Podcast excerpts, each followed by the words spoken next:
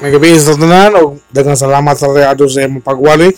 Sumpay sa akong giwali kagabi ang kining paghalad ni Ginoo Kristo o pagduaw sa magdiayon uban sa ilang bag-ong gianak na batang lalaki kay muhimo sila sa katong purification no? Paghinlo nga mga kuan man ni kaning paghimuon sa simbahan. Sumala kini sa gimugna usab sa balaod ni Moses. So miadto sila dito kay gibutang man pud sa kani balaod ni Moses nga matag anak nga lalaki nga mooy muabri sa taguangkan sa inahan. Buot pasabot kaning lalaki nga magulang. Pagkatawon gid siya nga balaan. Ug ihalad ngadto sa Ginoo. Bisan karon ang atong mga magulang nga mga lalaki nga mga anak angay na ni sila ihalad sa Ginoo. Kay mo man ni ang nanan gyud nga una man si Adan nagsunod si Eva. So ang tanan sa sa kuan ganiya ni kana sa fraternity sa Alpha Phi Omega kana mga lalaki legacy man na. Sa mo ang grupo kanang nakay anak nga laki legacy man na nimo. So kung unsa may tabo nimo ang imo anak may mupuli kanang lalaki. So lisod gud kaayo nga ang babae mo ay mupuli kay lain ang lain ang tanawon ang status sa society ba kung babae ang mangulo mo man na ang naanan gud sa mga tao nga ang babae atras lang sa mo. Kay ang laki ni ka it's a man's world. Pero karon napatas naman ta. Pag atong nila sa simbahan mga igsoon pag halad nila ni Ginoong Kristo nagdala sila og kini mga offering nga ilang ihalad. Sa ilang panahon ang mga dato pakalaron kini sila og kaning karniro nga kaning bata-bata pa. Kung dato ka pero kung wala kay kwarta wala kaya palaloon lang ka og duha ka kaning salampati. No turtle doves o kaning pigeons. Lalain maning turtle doves ug pigeons lalain sila ka klase. Duha gyud na. Ang usa na mahimo na siyang burnt offering para sa halal zero no kung ang usa para sa sin offering. Una na kung unsa kadako ang imong sala.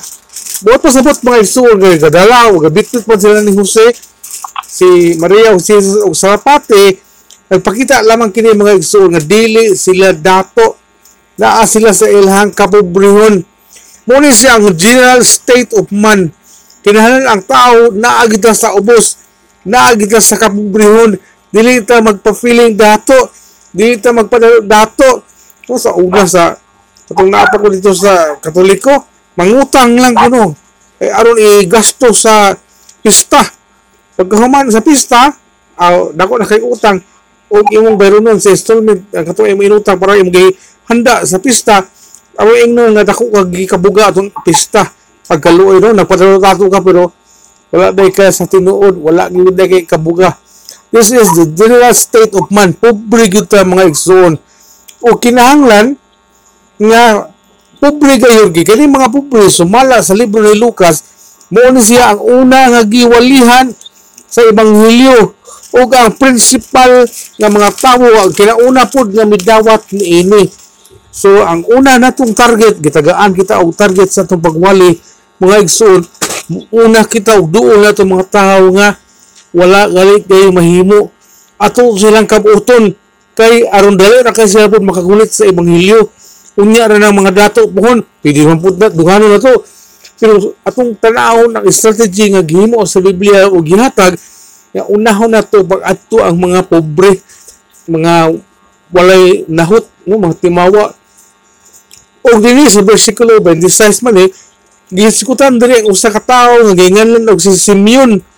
Nga gipadaygan siya gipa, gipadaygan siya sa kaning bilang espiritu. Nga dili pa siya mamatay hangtod dili niya makita ang bata nga gisaad sa Dios. Nga mooy muhatag og kalipay sa mga tao sa kalibutan kasi siya ang muluwas sa ilang kasalanan. It was revealed to him. No gipadaygon kay sa, sa iya bot pasabot divinely informed. Gipahibalo kaniya gibutang mo dito din sa ado nga wata na say pili edad ani no? Pero dako dako dagi ni siya edad wala tigulang ni siya. Pagkakita niya ni Ginoong Kristo lipay siya. Kay ang iyang kalag na sayod nga mao na kini mao na kining bata ang akong gipaabot so na eleksyon mga igsuon nga atong makuha pinaagi ni ining kinabuhi ni Simeon nga ang kalag sa usa ka tawo nga nagmani uh, nagminatarong nagtinarong. Dayon usa sa katawo nga dibuto siya gayud ang mahimo nga kaning hulianan sa balang espiritu. Sama ni Simeon. Matarong siya nga tao dibuto siya. Buto sabot kanunay siya nakig sandulot sa Ginoo so naa niya kanunay ang balang espiritu. Pwede ni nato mahimo karon mga igsoon bat bata pata bataron pata basta kanunay ta nga in tune with God. Dahil sa usap pagid koleksyon mga igsoon kung ang tao nagapangita sa kaluwasan sa Diyos nagpaubos naghulsol nagangkon nga siya makasalaon nangita ngayon sa kaluwasan sa Diyos dili na siya sa tugutan sa Ginoo nga mamatay samtang wala pa niya kini nakiti muna siya mga igsoon dili kay nausay bitaw ka lang makakuyog ko og ganing evangelism. Mo ingon nito mo evangelize ba nga dawatan na igsoon sige na sa Kristo kay wasin unya bumatay ka. Mamatay ka karon nig uli unsa lang kay wala pa ka kadawat. Imo mang hadlukon ang tao nga lugson mo nimo padawat. Unya kung maabot na sabi dawat-dawat lang sa kay napugos nimo ikaw ang paninglan sa Ginoo pero kung ikaw sa katao nga nangita gyud ka Lord kinahanglan jud ko sa imong kaluwasan. Duol nga ni kanako usba akong kinabuhi? Kana sa dili para tugutan sa Dios nga mamatay? Hangtod dili niya makita. Patay ha? Hangtod dili niya makita ang tao nga motudlo niya muwali kaniya sa kaluwasan. Kaya ang pagtuo kabalo mo tatanan ang pagtuo muabot ka nato pinagi sa pagpaminaw. Unsaon pagpaminaw kung walay gipadala nga magwawali na ko example mga igsoon si Cornelius kung nakailan mo ano ni Cornelius kini si Cornelius Dibuto na siya tao. Gusto siya manghatag. Maampuon, no? Maampuon siya. Apil iyang pamilya gali, iyang manay. Huwag na siya, purag. Kaning tarong yun ba? Pero, sa ilang pagkatarong, wala na siya naluwas. Una nga, naluoy ang ginoo ganiya. Nakita ang iyang ang ginoo sa iyang gibuhat. Gitandog sa ginoo si Pedro o gisugo. Tuwa dito na ay usa ka tao dila nga hintil kagingan lang si Cornelio nga maayong tao maglatagod og maampuon akong giduhog niya mga pagampo tuwa sa dito kay nga naman nga niingon ang Dios anak ni Pedro kay gusto sa Ginoo nga si Cornelius makadungog og pagwali sa usa ka Kristohanon sama ni Pedro aron makatuo. So miadto si Pedro pag ato niya giwalihan niya si Cornelius ug ang banay ug ang tibuok banay ni Cornelius apil siya midawat. Una sa mga igsuon nga kinahanglan gayud kita kinahanglan usab ang mga tao nga atong kabutunon makapaminaw nato nga nagwali aron mosulod ngadto sa ilang kagalingon sa ilang kinabuhi ang kabag-uhan o ngadto ngadto mga igsuon ihalad no bisan ikaw bisan ako karon atong i-dedicate ang atong kagalingon ngadto sa Dios ay bago na ko na itong isang adlaw dili lang enough ang relationship. O, nako relasyon sa Ginoo. Ikaw nako relasyon sa Ginoo. O, nako relasyon sa Ginoo. Dili lang enough ang relationship sa Ginoo. Na may ubang mga tao, buta na to, lahi siyang tinuan, katoliko, tawad sa relasyon sa Ginoo. Lahi siyang tinuan, mormons, na sa relasyon sa Ginoo. Masaksi, maunsa, maboptis, sa barista, na sa relasyon sa Ginoo. Pero pangutan na, naabas sila commitment o kini ang importante sa tanan. Walay problema kung naa kay relationship sa Ginoo, pero kini naa ba kay commitment.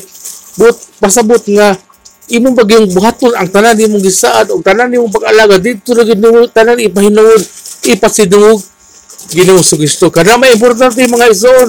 Ay pagsalig na natin relationship. So, pwede man sa makahimo og relationship ngadto sa Ginoo. Pero ang mas importante kung naa batay commitment o gibuhat bagid nato ang commitment. Daghang salamat sa pagwali ni Tatay Ado, daghang salamat sa pagsumpay usab niya nga kinahanglan gayud no kita kinahanglan gayud nga adunay paghalad. Bisan kita mga dako na. Kanang atong i-commit ang atong paghalad sa Ginoo nga Lord imo ko Lord. Sa atong paghalad sa atong kagalingon karon sa Ginoo pagbalik lahi na. Kay gihalad ako og kagalingon Ginoo ani ako gamita ako. So muna ni ang paggamit sa Ginoo. Nato mga iso tawon ta niya ug ipadala ta niya ngadto tataw nga atong kaputon. Dili ta magproblema kay duan ta sa balang espiritu kung saon to pagsulti o pagkapot ato nila aron sila pud makadangat sa tiilan sa Dios daghang salamat mga igsoon o daghang salamat sa Dios sa balang espiritu sa pagdihog ni Tatay Ado nga nakapuntos siya karon nato mga igsoon nga paghalad ni Ginoo sa sa templo. Ato sa ring buhaton sa kong galingon nga atong ihalad no sugod karong January Lord ihalad na ako kong galingon Lord.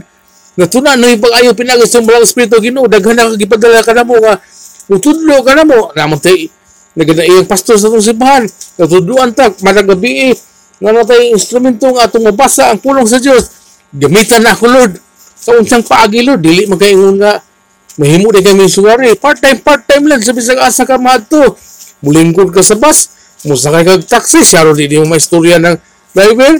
Mula agag plaza mato kag boulevard sa unsa din ha mo tanaw ka og kani mga pasundayag kani mga tao istoryahe kanang amiguha kay ngano kinahanglan na gyud og mga ngani mga igsoon kay grabe na gyud kaayo ang kining kahinog sa alo sa adihonon sa kalibutan. Daghang salamat mga igsoon ug ang ubang panahon akong ihatag sa itong MC hallelujah amen